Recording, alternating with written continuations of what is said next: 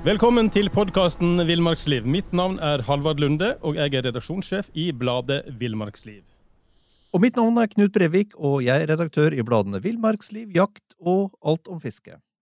Du Knut, I dag skal vi jo snakke om eh, valg av telt, og hva passer da bedre enn å ha med han som er sikkert vi kan kalle han nor norgesmester i telting, eh, Bengt Are Barstad. Og du har jo bodd ute hvor lenge nå, i telt? I dag så har jeg vært ute i 1232 dager. Og 1127 ca. av dem er i telt eller under åpen himmel. da. Telt, tarp eller Ja. under åpen himmel. Ja. Det er vel ingen som har bodd så masse i telt, og i hvert fall ikke sammenhengende som du? Nei, det, det tror ikke jeg. De fleste er jo, er jo litt sånn innom sivilisasjonen, innom hytta og sånn, men det har ikke jeg vært i det hele tatt. Vi har vært ute, sånn som dere ser bak meg nå, hele tida. Vi trives jo best på den måten her, og teltet er jo for meg boligen min. Og spesielle perioder med mye dårlig vær, så er jo teltet viktig for meg. Ja. Viktig som en sånn komfortdel å ha med seg på tur. Ja, Det er jo nesten livsviktig òg i perioder av året. Ja, vinteren så er det livsviktig, kan du si. I, sommer, nei, i, i vinter så har vi jo hatt sju og en halv måned med, med ekstremvinter, egentlig. Med, det lengste vi har hatt, var tre uker sammenhengende mellom 30 og 40 minusgrader. Ja. Det er klart. Og du har, bo Ja, du har hatt, hatt vinteren i Finnmark, bare så folk, eller på Finnmarksvidda, Ja. som folk eh, er klar over det. Ja. jeg har ligget ute på Finnmarksvidda. Så når Ja. Stein P. Aase måtte, måtte ty til scooterhjelp for å komme seg i ly under stormen på Esjjævri, så lå vi ute i samme område, faktisk. Men vi var, altså, sånn tur som jeg drar på, så kan jeg velge plasser med litt mer ly, jeg, da. Så, så vi lå veldig godt før da. Ja. Men du, valg av telt, hva er det, mm, eh, hva er det en liksom bør, bør tenke på før en løper til butikken for å plukke med seg et telt? Det er jo ikke alltid at uh, dyrest er best, nødvendigvis. Nei. Først og fremst må du finne ut hvor mye har jeg lyst til, eller hvor mye har jeg råd til å, til å legge i teltet. Det ville jeg spurt meg om først. Og så har jeg jo villet prøvd å funne et eh, kvalitetstelt eh, Mm. av et eller annet slag. Eh, så når jeg snakker telt til friluftsbruk, så snakker jeg ikke om telt fra Jysk eller Biltema eller Jula eller de, de der. Da snakker jeg om telt fra en, fra en sportsleverandør. Eh, Ja. Og forskjellen på, på et sånt billig-billig-telt og et eh, litt dyrere sportsleverandørtelt, da, det er jo at det er mye bedre stenger og mye bedre sømmer og litt mer gjennomtenkte løsninger. Hey, I'm Ryan Reynolds. Recently, I asked Mint Mobile's legal team if big wireless companies are allowed to raise prices due to inflation. They said yes. And then when I asked if raising prices technically violates those onerous two year contracts, they said, What the f are you talking about, you insane Hollywood ass? F- So to recap, we're cutting the price of Mint Unlimited from $30 a month to just $15 a month. Give it a try at mintmobile.com slash switch. $45 upfront for three months plus taxes and fees. Promo rate for new customers for limited time. Unlimited more than 40 gigabytes per month. Slows. Full terms at mintmobile.com. Det er det første jeg ville for Hva, hva slags pris eh, skal, skal, jeg- Hvor mye skal jeg legge i?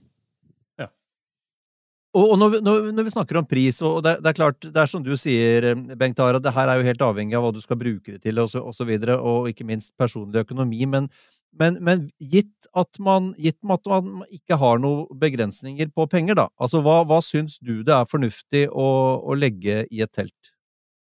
Hvis du tenker et sånt helårstelt, altså du skal bruke det om vinteren, så pluss-minus 10 000. Eh, Det er det det koster. Og eh, som jeg skrev i artikkelen min om min første teltopplevelse, da hadde min kjære far investert i telt den sommeren, da var jeg ti år. Det var nesten halve feriebudsjettet til familien vår det den gangen. Men det var et kvalitetstelt, og det teltet eksisterer ennå. Eh, Og det vil tilsvare sånn ca. et eh, telt til 10 000 i dag. Pluss-minus, vil jeg si. Men du får jo du får jo mer enn gode nok tunneltelt i dag fra 2000, så, så det er litt, som sagt, hvor mye ønsker jeg å legge i. Men, men vi har jo litt forskjellige typer telt. altså tenker på tunneltelt og kuppeltelt. og Skal en tenke litt sånt altså, før en velger telt? Ja, det kan en jo se litt på hva som passer sitt eget, uh, eget bruk. Tunnelteltet er jo Tunnelteltet er jo en gammel norsk oppfinnelse, faktisk. Det var bestefaren til Nora Jaha. Nora Helliksen i Barents Outdoor som, fant- som, som designa det første tunnelteltet, så tunnelteltet er helnorskt. Eh, og Ja, den, ja, og den, den designen den står jo enda i dag. Altså, tunneltelt er jo kanskje det mest solgte teltet, sånn allround-teltet i dag. Uh, fordelen med et uh, tunneltelt er jo at det er veldig lett å sette opp, og så er det god plass i det. Og de moderne teltene i dag, som har, der du kan åpne hele fronten om sommeren, så blir de veldig luftige og fine òg. Men sånn som i Børgefjell, eksempel, der det kan være veldig urat og vanskelig å finne ordentlige teltplasser, så er det lettere å plassere et kuppertelt. Um, for det er sjølstående, så det kan du flytte litt rundt på. Um, så er det ofte også veldig fin lufting i kupperteltene hvis du tenker sommerbruk, for det har, det har inngang på begge sidene, så du får full, full gjennomlufting. Ja. Um, Men minuset med kupperteltet er at ofte så veier det litt grann mer i forhold til den plassen du får. da. Et tilsvarende tunneltelt i samme vekt vil være større. Mm. Eh, Mm. Så det er en vurderingssak. Er det noen forskjell jeg tenker på sånn å tåle vind? Enkelte sier at kuppelteltet er har litt høyere altså mø- Ja, at det er litt mer utsatt. Det er en myte. Eh, de lave vinterteltene som er laga på kuppel, altså som ikke er så forferdelig høy, nå er jo veldig mange av kuppelteltene ganske høye, de er nok litt Mm. mer vindstabilt enn det tunnelteltet jeg er med. da. Men eh, de vanlige tunnelteltene som har god sittehøyde i, eh, de Mm. legger seg kanskje nesten fortere dem enn et godt ballonert tunneltelt. Så, så det er litt sånn myte. Men det er klart, er du god å sette opp et kuppertelt, så står det godt, det òg, da. Men ja. Jeg tenker på litt sånn eh, bruken her òg. Det finnes jo mange kvaliteter, da. ja. Altså, skal, skal, en velge liksom eh, et tøft telt, et telt som tåler tøff bruk, eller et som eh, en må være forsiktig med? I Norge så ville jeg valgt et som tåler tøff bruk, for det er litt annet Det er jo veldig mange utenlandske teltmerker som er laga for det amerikanske markedet, og de har et litt annet type friluftsliv enn det, det vi har. Så jeg ville ha valgt et telt med røft bruk. Og Mm. det fine i dag, hvis du har litt dårlig råd, eller kanskje lurer på jeg har ikke lyst til å bruke så mye på telt, eh, så finnes det faktisk eh, folk som låner ut telt. Det så jeg nettopp på Friluftslivforumet på Facebook. Der var det en kar som hadde fem telt. De kunne du få låne eh, gratis så lenge han ikke brukte dem. Eh, Ja. Og så finnes det jo brukt. Eh, Veldig mye bra brukt i Norge, så det går an å gjøre en god deal der. Eh, Så går du inn på Barents Autoski-sida. de har jo eget starta med egne bruktsider. Og der de må selge telt som de har fått inn fra produksjonen som ikke går gjennom kvalitetskontrollen. Og de selger dem da sterkt rabattert. Så, så du trenger ikke å så, eh, bruke forferdelig mye. Du kan leite litt, så finner du kanskje et brukt godt telt. Det, Og, verdt å nevne at veldig mange kommuner har jo en utlånssentral ja. der du faktisk får lånt telt. Ja. Og det, det synes jeg er litt viktig, så i stedet for å gå og kjøpe et sånt eh, billigtelt som du kanskje bare først blir halvfornøyd med, og så går det sund etter to år òg, så kan du heller kanskje låne deg eller leie deg et telt. Det har jeg, det har jeg ville gjort. Helt klart. Og på, Finn, og på Finn, hvis du søker litt, så finner du mange telt som er brukt én gang. Riktig, du gjør det. Som er, som er, helt, som er nesten helt ny, og som er halve, halve prisen. Ja. Så eh, Ja. De kan gjerne være en fire, fem, seks år gamle, men de er, de er som nye, vet Ja. du. Ja, nei, jeg er jo Det er billettmerk. Hæ? Dette var ikke noe for meg! Nei, Nei. riktig. Og så er det Men ja. eh, ja, hvis, vi, hvis vi går på liksom valgstørrelse, da, så er det jo lett å tenke at eh, du er to personer, du skal ha tomannstelt. Ja. Men erfaringa er jo at det ofte blir litt knapt. Ja. Så hvor stort telt skal man eh, kjøpe seg? Nei, det varierer litt hvor mye du Altså, jo større teltet blir, jo tyngre blir det. Så er du gramjeger og drar på tur alene, så kan du selvfølgelig kjøpe deg et sånt superlett eh, enmannstelt. Da får du et telt som veier mellom 700 gram og 1,2 kilo, litt avhengig av hvilket merke og sånn du Da har du det relativt trangt eh, i sovedelen, og så får du ikke plass til alt utstyret ditt inni teltet da, hvis det blir dårlig vær. Men det er det jo mange som drar med. Men jeg bruker, som, eh, som, som du òg sa Alvar, så, så bruker jo jeg å gå opp én størrelse. Og jeg nå som har med meg 400 i tillegg, jeg går opp to størrelser. Så nå får jeg med et lettvekt, lettvekts tremannstelt, men så tar jeg ut innerteltet, og da får jeg egentlig et superlett, eh, stort, fin gapauklignende gapauk-lignende telt med meg. Mm, Eh, og det med å ta ut innerteltet, det er ikke folk vant til å høre, og det skjønner de ikke helt heller, men det er helt genialt. Eh, Men det med vekt er jo mange som er opptatt av. Knut, du har jo noen sånn tommelfinger, tommelfingerregler her. Ja, altså, jeg har jo jeg har jo bare en, en, en bagatell erfaring i forhold til Bengt Are, men, men um, jeg, jeg brukte jo mange år et sånt, bare for å følge opp litt det du sa, Bengt Are, i forhold til størrelse. Jeg brukte sånn enmannstelt. Ja. Eh, Og, og det er jo nærmest å betrakte som et sånn soveposetrekk, Ja, altså. ja, Du har, eh, helt riktig. eh, du har et soveposetrekk, eh, så skal du ha telt som i telt, så må du nesten opp fra to, to, to, to og Ja, du må, du må det, helt riktig. Og Da får du det litt mer komfortabelt. Og ryker du på da en Selv om sommeren så kan det bli storm i Øyfjellet, så ligger du tryggere. Eh, Mm. og du sover bedre, og du har en triveligere tur, eh, syns jeg, da. Ja. Og så er det alltid interessant, det var alltid interessant når jeg hadde med meg det enmannsteltet mitt, og med hund på tur, og den hunden skulle inn! det som jeg, Det var ikke noe vakkert. Det blir, blir koselig. jeg har jo en, en god venn som heter Arnstein, og han kjøpte seg så et sånn superlett eh, enmannstelt som veide et halvt kilo. Så var han med meg Ja. sammen med en annen kompis i Børgefjell, det første, første sommeren min i Børgefjell på turen her. Og så kommenterte jo kompisen at ja, men sekken din er jo ikke Han er jo ikke noe lettere. Nei, sier Arnstein, jeg kjøper meg jo ikke lettvektstelt for, for at jeg skal bære lettere. Jeg kjøper meg lettvektstelt for jeg skal ha med meg mer god mat. ja. Så det er litt, Ja. litt uh, hva man, hvordan man, friluftsliv man ønsker å drive, da, i forhold til hva stelt man velger. Ja. Men uh, jeg ville heller ha gått opp en størrelse ja, og hatt litt eh, komfort og litt trygghet. Helt klart. Men, men du nevnte jo det med vekt, Halvard. Altså, Ja. Og her får jo du korrigere oss, eh, Bengt Are, som, som sitter på spisskompetansen, men vanligvis så regner du vel én til tomannstelt er én til to kilo, tomannstelt er to til tre, og tremannstelt er to og en halv og litt oppover. Ja. Og, og firemannstelt er jo, ja, det kan jo få faktisk i fire, fem, seks kilo, litt avhengig av, Ja. litt avhengig av type. Ja, litt avhengig av, av, av type, og det der er jo egentlig veldig gode vektnormer, kan du si. Sånn cirka Hvis du velger du litt kvalitet på, det, på lettvektstelt, da, så får du dem nok ned mot de, de vektene som du har sagt. Så da kan du få, få et tremaltstelt som veier 2,3 kilo, for eksempel, ikke sant? Eh, Mm, mm. så, det, så det spørs litt hva man velger. Det, Men eh, min erfaring med de letteste teltene er at det, det jukser litt eh, Altså det, for Pluggene som er med, er jo ekstremt De tåler jo ingenting, så du, du må ha med ekstra plugger som veier litt mer. Så det, det var litt, du drar på, et, eh, litt artig med det drar på litt ekstra Ja, der. nei, det var litt artig med teltet til Arnstein. Når han skulle sette opp første gang, og så så han pluggene, og så var det sånne mjuke strikkepinner. Eh, Ja. så da måtte jo han bruke Jeg har bestandig med meg bra med plugger, så han måtte låne plugger til meg. så det er helt, helt riktig.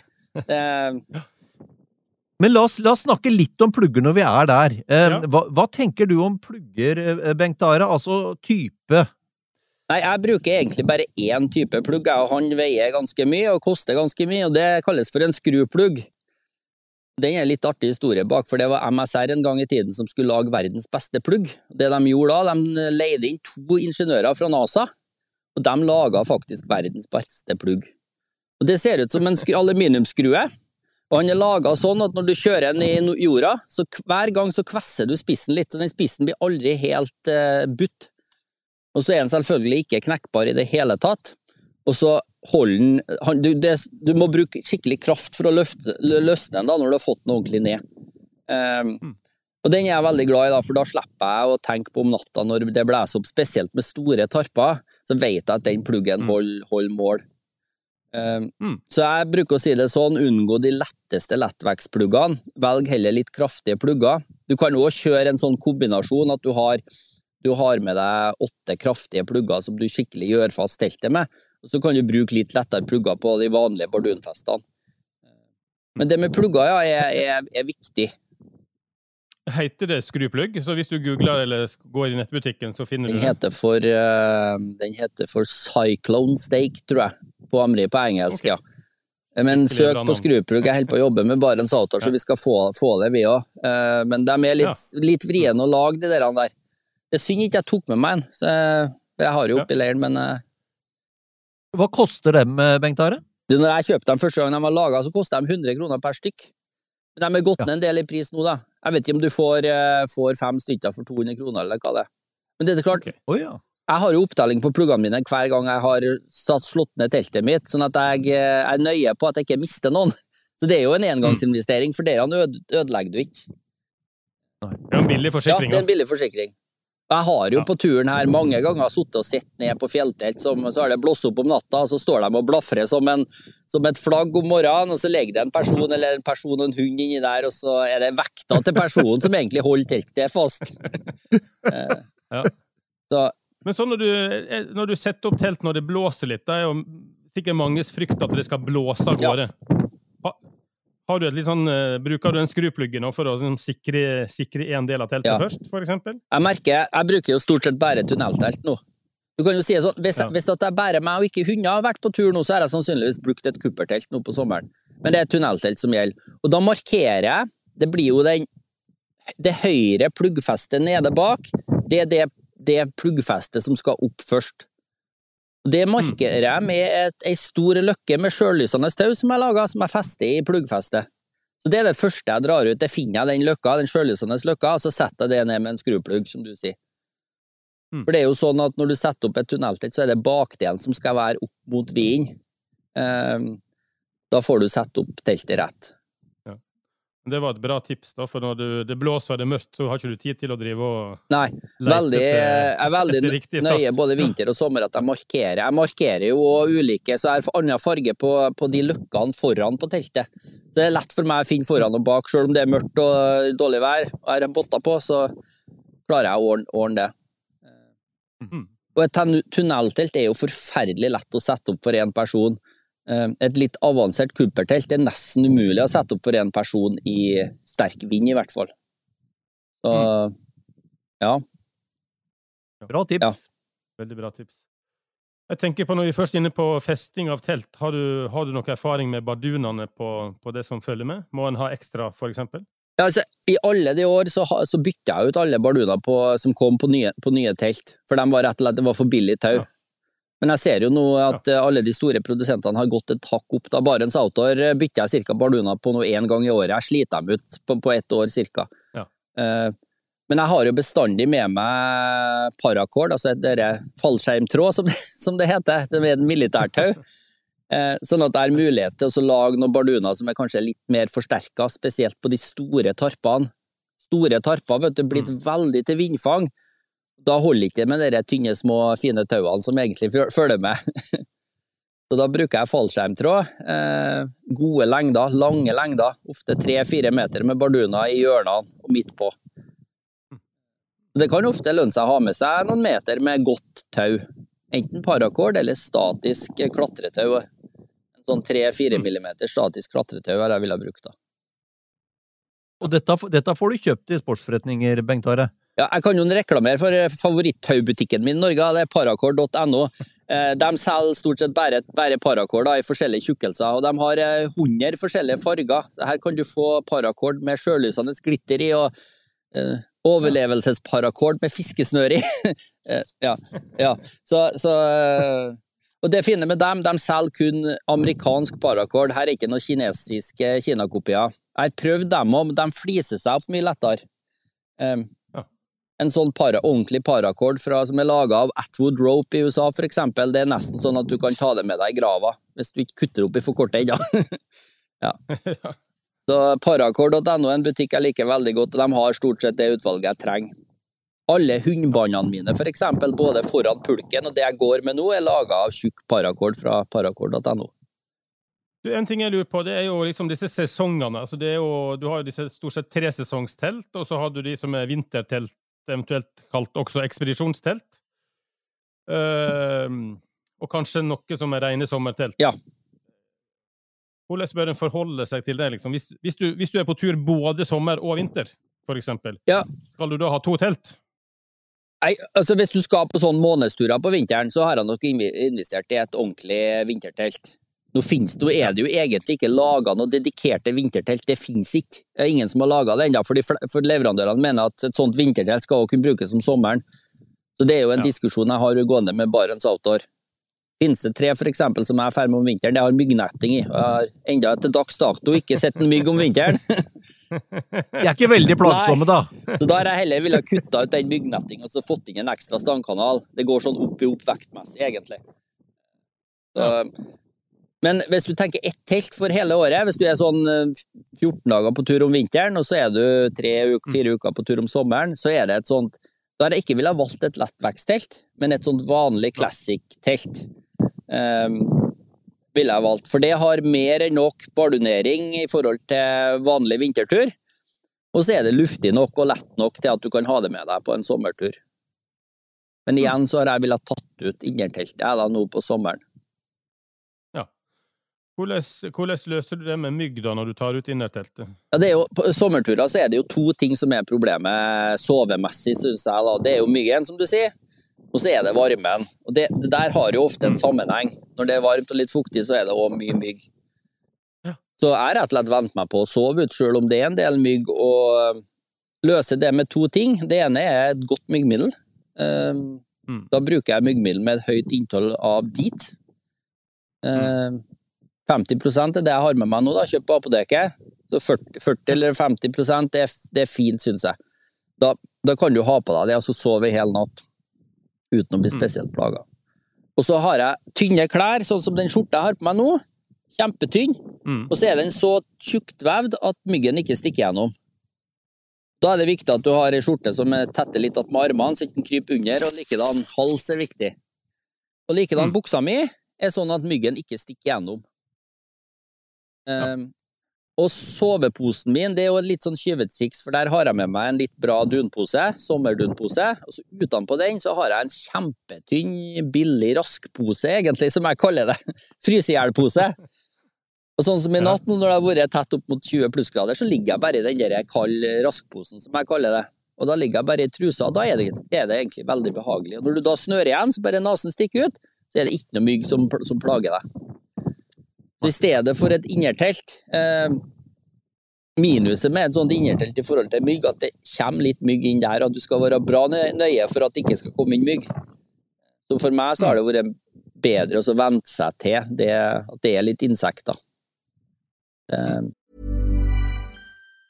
Say hello to a new era of mental health care. Cerebral is here to help you achieve your mental wellness goals with professional therapy and medication management support. 100% online.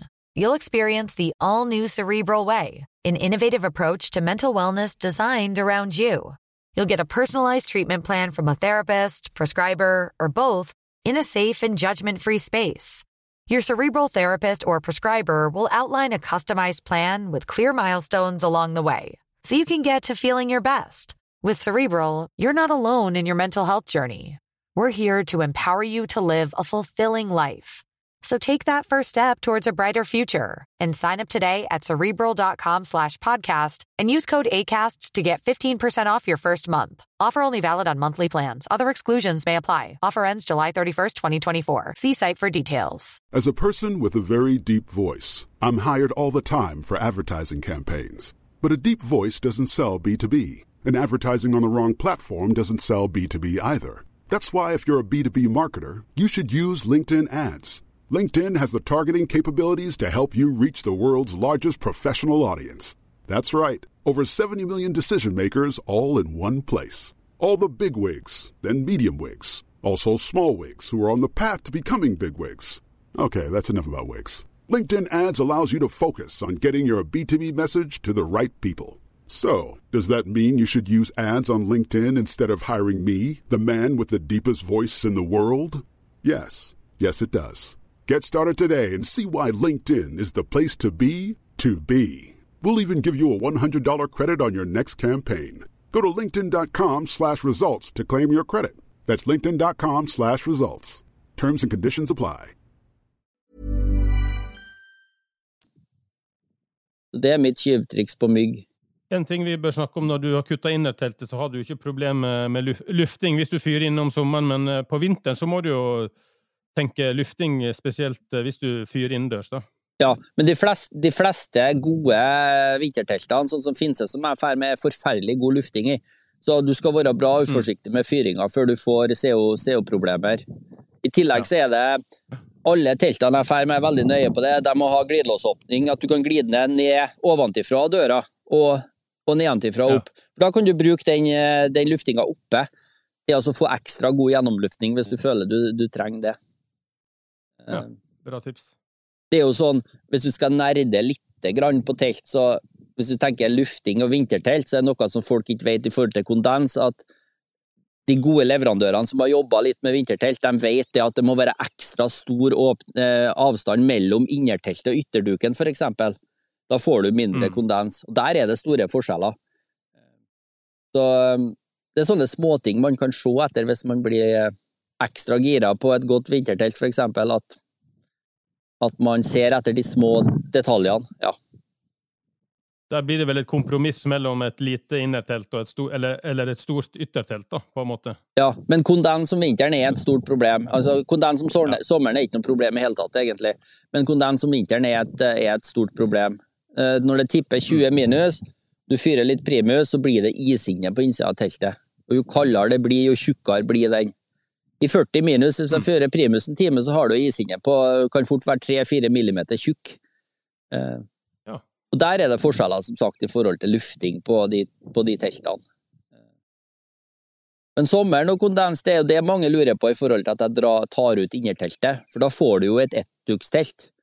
Og vi har jo alle, alle hørt historier om en Monsen som har prøvd endukstelt, og som soveposen var klesbløt, ikke sant? Men Ja. eh, på, på, på et sånt telt som jeg ferdig med, så er det ikke noe bunn, vet du. Så den kondensen som kommer, det renner, og så renner det ned i lyngen. Ja. Men av og til når det er litt varmt, og det regner over lang tid, så blir det jo litt sånn kondensdråper oppunder taket. Der, så du føler av og til at du ligger i sånn lett tåkeregn inni teltet òg, da. Derfor er det også viktig å kanskje ha utstyr som tåler litt vann, da. Det, Men når vi er inne på, på kondens og sol og sånt, eh, har du noen tips til å på en måte unngå å våkne svett i soveposen på ja, morgenen? sov ute. og sov i, Ja. i telt. Det altså, eh, de fleste bruker telt for de er redd for myggen, som vi snakka om, og så er det, ja, Ja, ja. det er stort, stort sett myggen som er problemet, da. Eh, Så tipset er å droppe teltet, Ja. faktisk. Sov, sove ute. Nå finnes det jo en del spesielle amerikanske telt der du kan sette opp innerteltet for seg sjøl. uten ytterduk, da. Da får du liksom en sånn stort sånn myggnettingtelt, da. Det kan jo være et triks, men det blir varmt inni der også, når, det, når sola steiker, så Og så finnes det jo Det er jo mange som bruker jervenduk over sovedelen på teltet, og det hjelper jo. Eller en sånn um, Mm. foliert redningsduk, for eksempel, kan du jo ha over forteltet. Ja. Sånn at du slipper å få den drivhuseffekten i teltet. Ja, Så du legger på utsida av teltet? da? Ja, legger på utsida. Kan, kan du spenne opp en tarp, sånn at du får på en måte en, en, en Ja, det kan, det kan du hjelpe litt, det òg. Ja. Det beste er sovet på sommeren hvis du tenker, hvis du tenker telt. Det er den gamle jervenduken, Thermo King Size, den fikk du teltenda på en gang i tiden. Og den er jo fo fora, ikke sant? Når, du, når jeg slo opp den i varmen, og eh, hadde den ned på bakken, så du fikk opp den der jordkallen litt, grann, så ble det behagelig Ja, ja. der. Det for jeg med i en del år og, og sov i, og fun- funka som gull. Men du, jeg tenker på det, Bengt Are, når det gjelder det her med, med å våkne opp i varme telt. Altså, hva, hva, hva tenker du på når du, når du velger leirplass? Eh, altså, det er et sidespor, men like fullt, altså, hva er det du legger vekt på når du skal sette opp teltet? Altså, leirplass er jo uansett sommer og vinter, så er leirplass veldig viktig i forhold til vær, vær og vind. Så nå når det, er, når det er varmt, så ligger jeg på en liten kam eh, der det bestandig er trekk. Eh, den trekken hjelper betraktelig, da. Litt ned i lia, ned mot det vannet vi ligger, eh, der er det ikke trekk, og der er det glohett til tider. Så nå når det er godt vær, så trekker jeg opp i høyden og finner kanter der det bestandig er trekk. Nå er det jo meldt godvær eksempel inni her nå i neste uke òg. Det betyr at fisket der er nå, det dør ut fordi at vannene blir for varme. Så da følger jeg rett og slett eh, snøen egentlig høyere og høyere opp i fjellet. Eh, Så jeg havner nok sånn cirka på 1000 meter nå, for å, hvis varmen, varmen holder seg, for å finne både fiskeplasser og ha det behagelig. Så sånn midtsommers, juli, så vil du aldri finne meg i skogen, eksempel. Da finner du meg stort sett høyt til fjells. Der er det mindre arter insekter. Det er stort sett bare myggen som plager deg på kveldene, så har du en del klegg, da. Kan, kan være et problem. Og den er jo et problem, for den hjelper ikke mygg, myggmiddelet på heller. Eh, så trekk, eh, følg, følg eh, høydemeterne i forhold til varmen da, og været. Eh, Mm. Det er lurt. Men Vi har jo vært innom tarpen litt. Om da I høyfjellet får ikke du brukt tarp mange plasser. Du men, gjør det, sjø. Jaha? Nei, Det er ikke noe problem. Jeg er ferdig med en vandrestav som er 1,80 ca. like høy som meg. Ja. Så den bruker jeg som stang foran, Og så finner jeg stort sett bestandig en Aha. stor stein eller et eller annet som kan være holde tarpen litt opp bak. Når du da spenner okay. opp den, så har du, står den kjempefint i høyfjellet òg. Men i høyfjellet så er det viktig at du har en kvalitetstarp med veldig gode bardunfester, for det blåser mer. Så har du en sånn eh, billigtarp som eh, da ryker bardunfestene dine til slutt, og det har jeg, det har jeg prøvd. Så det, det er skumle greier. Men det er ikke noe problem med en god kvalitetstarp å bruke det i høyfjellet. Første turen min i Børgefjell, fire uker, da for jeg kun med tarp. Det var i godværsperiode i august for mange år siden. Ja, og for da sparer du jo litt vekt, for en tarp veier vel eh, ja, under kiloen, kanskje? Ja, pluss plus, minus. Det er litt avhengig av hva slags type tarp. Nå Ja. velger jeg litt kraftigere tarp, for jeg vil ha den sikkerheten. Eh, Ja. Men pluss minus et kilo, ja, da er du, da er du godt innafor. Så da sparer du litt vekt. Hva størrelse snakker vi om her i kvadratmeter, liksom? Hva, um, Den standard god, godstørrelsen den er 2,9 meter ganger 3,5. Og egentlig uansett merke Ja. om du velger Barents Outdoor eller Hilleberg eller Helsport, så er de like store. Og det kommer av at metervaren til leverandørene er laga sånn at når de, når de lager den størrelsen der, så blir det ikke noe avkapp. Altså det blir ikke noe rester fra produksjonen. Da sparer vi miljøet, og så får vi mer tarp for pengene, for det koster jo den metervaren. da. Men så er det en fantastisk bra størrelse òg, da. Sånn i forhold til ja, to personer, for eksempel. Eller jeg med fire hunder. I hele fjor sommer på Finnmarksvidda så brukte vi den, den tarpen. Kjempefin størrelse. Så 2,9 ganger 3,5 meter, veldig god allround-størrelse eh, på tarpen. men sånn, ho- holder det med den vandrestaven hvis du ikke finner en stor stein eller andre ting som du Ja. kan få fest? Det gjør det. og Det går greit, det er jo, Å sette opp en tarp godt, er jo egentlig en liten kunst, vil jeg si. Så det, det er noe man må, må lære seg. Og Jeg starta jo i min ungdomstid, jeg hadde jo ikke råd til å kjøpe meg et telt, så jeg sov jo stort sett under en sånn byggpresenning i de første ti årene i hvert fall av friluftslivet mitt.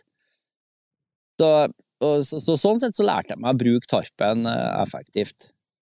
Eh, Ja. Det er òg lurt å ha med seg, hvis du, sånn som nå, så drar jeg med ytterduken på et sånt lettvektstelt, og så har jeg med meg den vanlige tarpen. Og det er jo et oppsett som veier bare rett over to kilo. Får det i sidelomma på sekken min, er helt, helt fantastisk. For da, som du sier, da kan du lage litt skygge. Og så har jeg valget om jeg blir det dårlig vær, så kan jeg sove i ytterduken på teltet og lukke den helt igjen, og er det godvær, så kan jeg sove under tarpen. Du har vel brukt den tarpen som litt sånn uh, utestue òg? Altså at du har en plass der du kan sitte tørt Ja, og, helt og åpent? Jeg liker jo det som jeg sier, å bo nært naturen og våkne opp med nesen ned i lyngen og kunne se ut med en gang. Det er min ty mitt type friluftsliv. Men når du lever ute hele tida, som jeg gjør nå, og spesielt i høyfjellet, over perioder med en del dårlig vær, så er det godt å kunne lukke igjen og lukke ut været av og til. Så der kommer det ytterduket mm. inn, da. Det anbefaler alle som har lyst til å prøve, prøv og så dra Du kan gjøre det på en høsttur. Da er det ikke noe mygg. Prøv å så dra med uten innerteltet. Det fungerer som gull.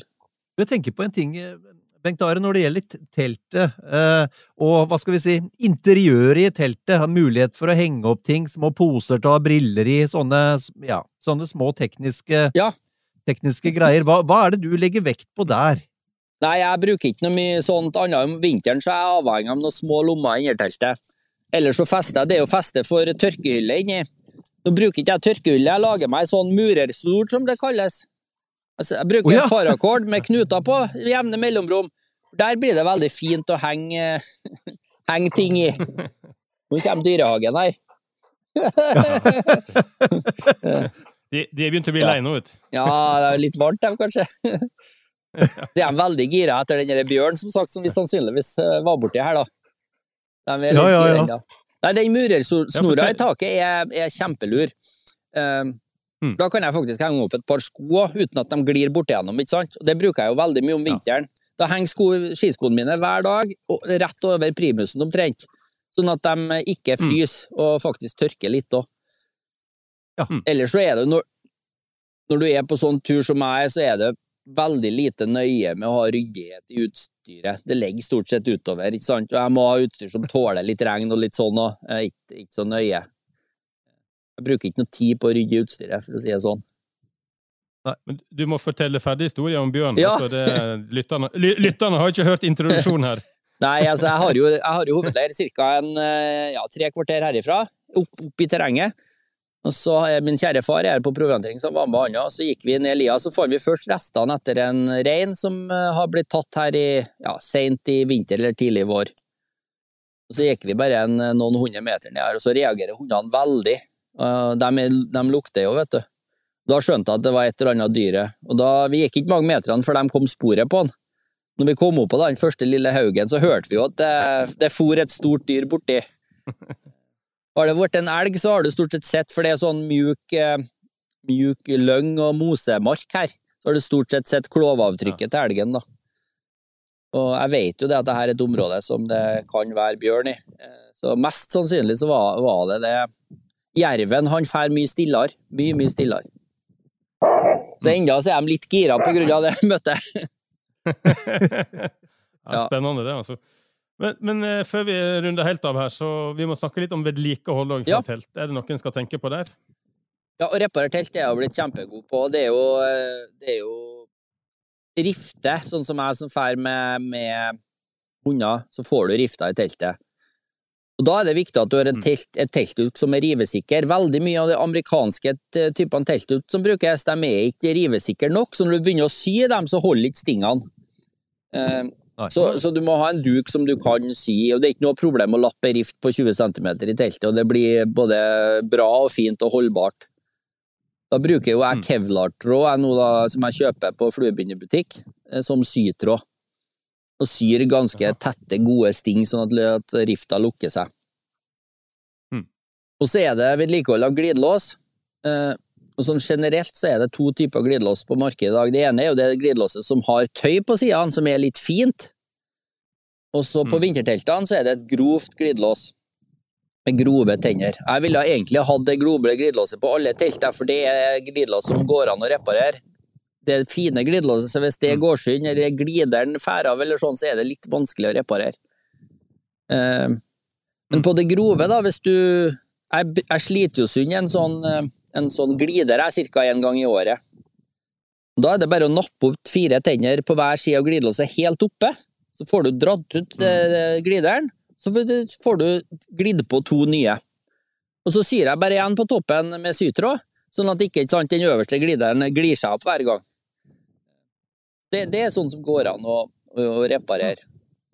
Ellers så er det jo mange som spør om impregnering på telt. Og det kan ja, være lurt på et, et eh, gammelt telt.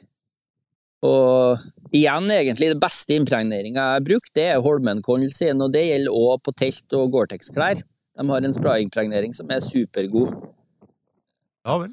Ja, for da slår du opp teltet, og så sprayer ja. du ytter, yttersida, rett og slett? Ja. Men sånn gener generelt, så uh, Duken er, er tett lell.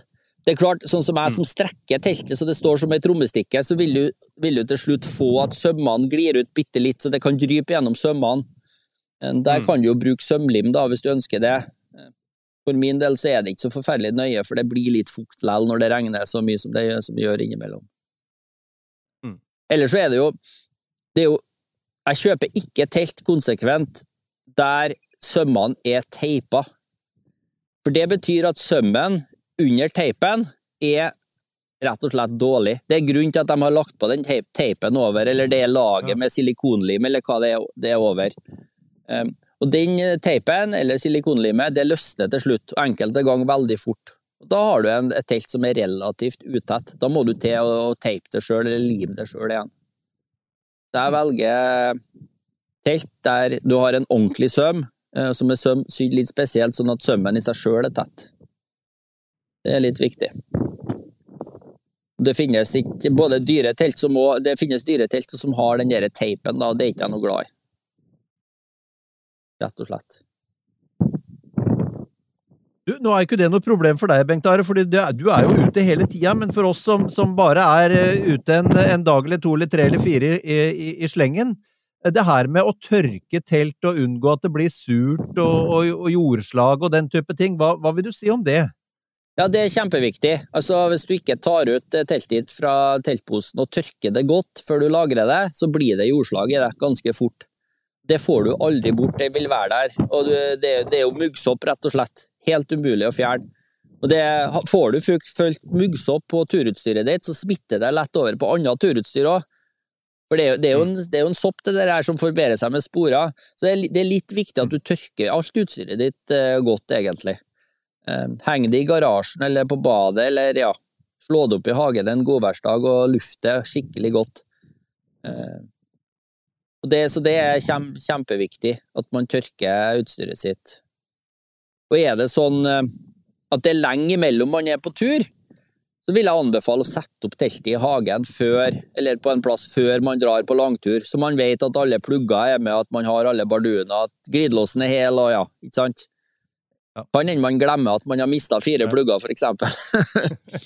Ja. Eller, lagt inn all, eller lagt inn alle pluggene hjemme, for Ja, det har, det har skjedd. Det er ikke det verste, for er du skogstilhenger, så kan du smi deg noen pinner, altså, Ja men, eh, men eh, ja. Ja.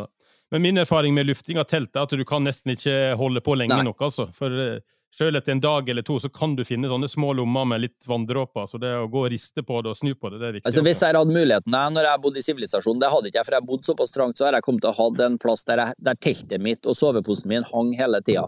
Ut, utslått. Mm. Eh, ville, ville jeg gjort. Så Mm. Men der igjen, hvis man er litt ikke så forferdelig mye på tur og ikke har plass til å lufte og sånn, så kan du leie deg telt. Så eh, de har som oftest bedre plass til lagring. og, og lufting. Det er sant. Skal vi si at vi skal ta og runde av litt, kanskje? Ja, jeg har ikke noe spesial annet enn at det det er jo veldig trivelig å bo ut både under telt og tarp når, når været og alt er rett, men uh, vi bor i et langstrakt land med mye vær, både godt vær og dårlig vær. Ja. Så det å ha en god bolig, det, å tenke gjennom det, det er viktig. Nå har vi jo ikke snakka så veldig mye om hengekøye, da. Um, Nei. men jeg ser jo på hengekøye, jeg kunne jo fint hatt med ei hengekøye der jeg er nå, for eksempel.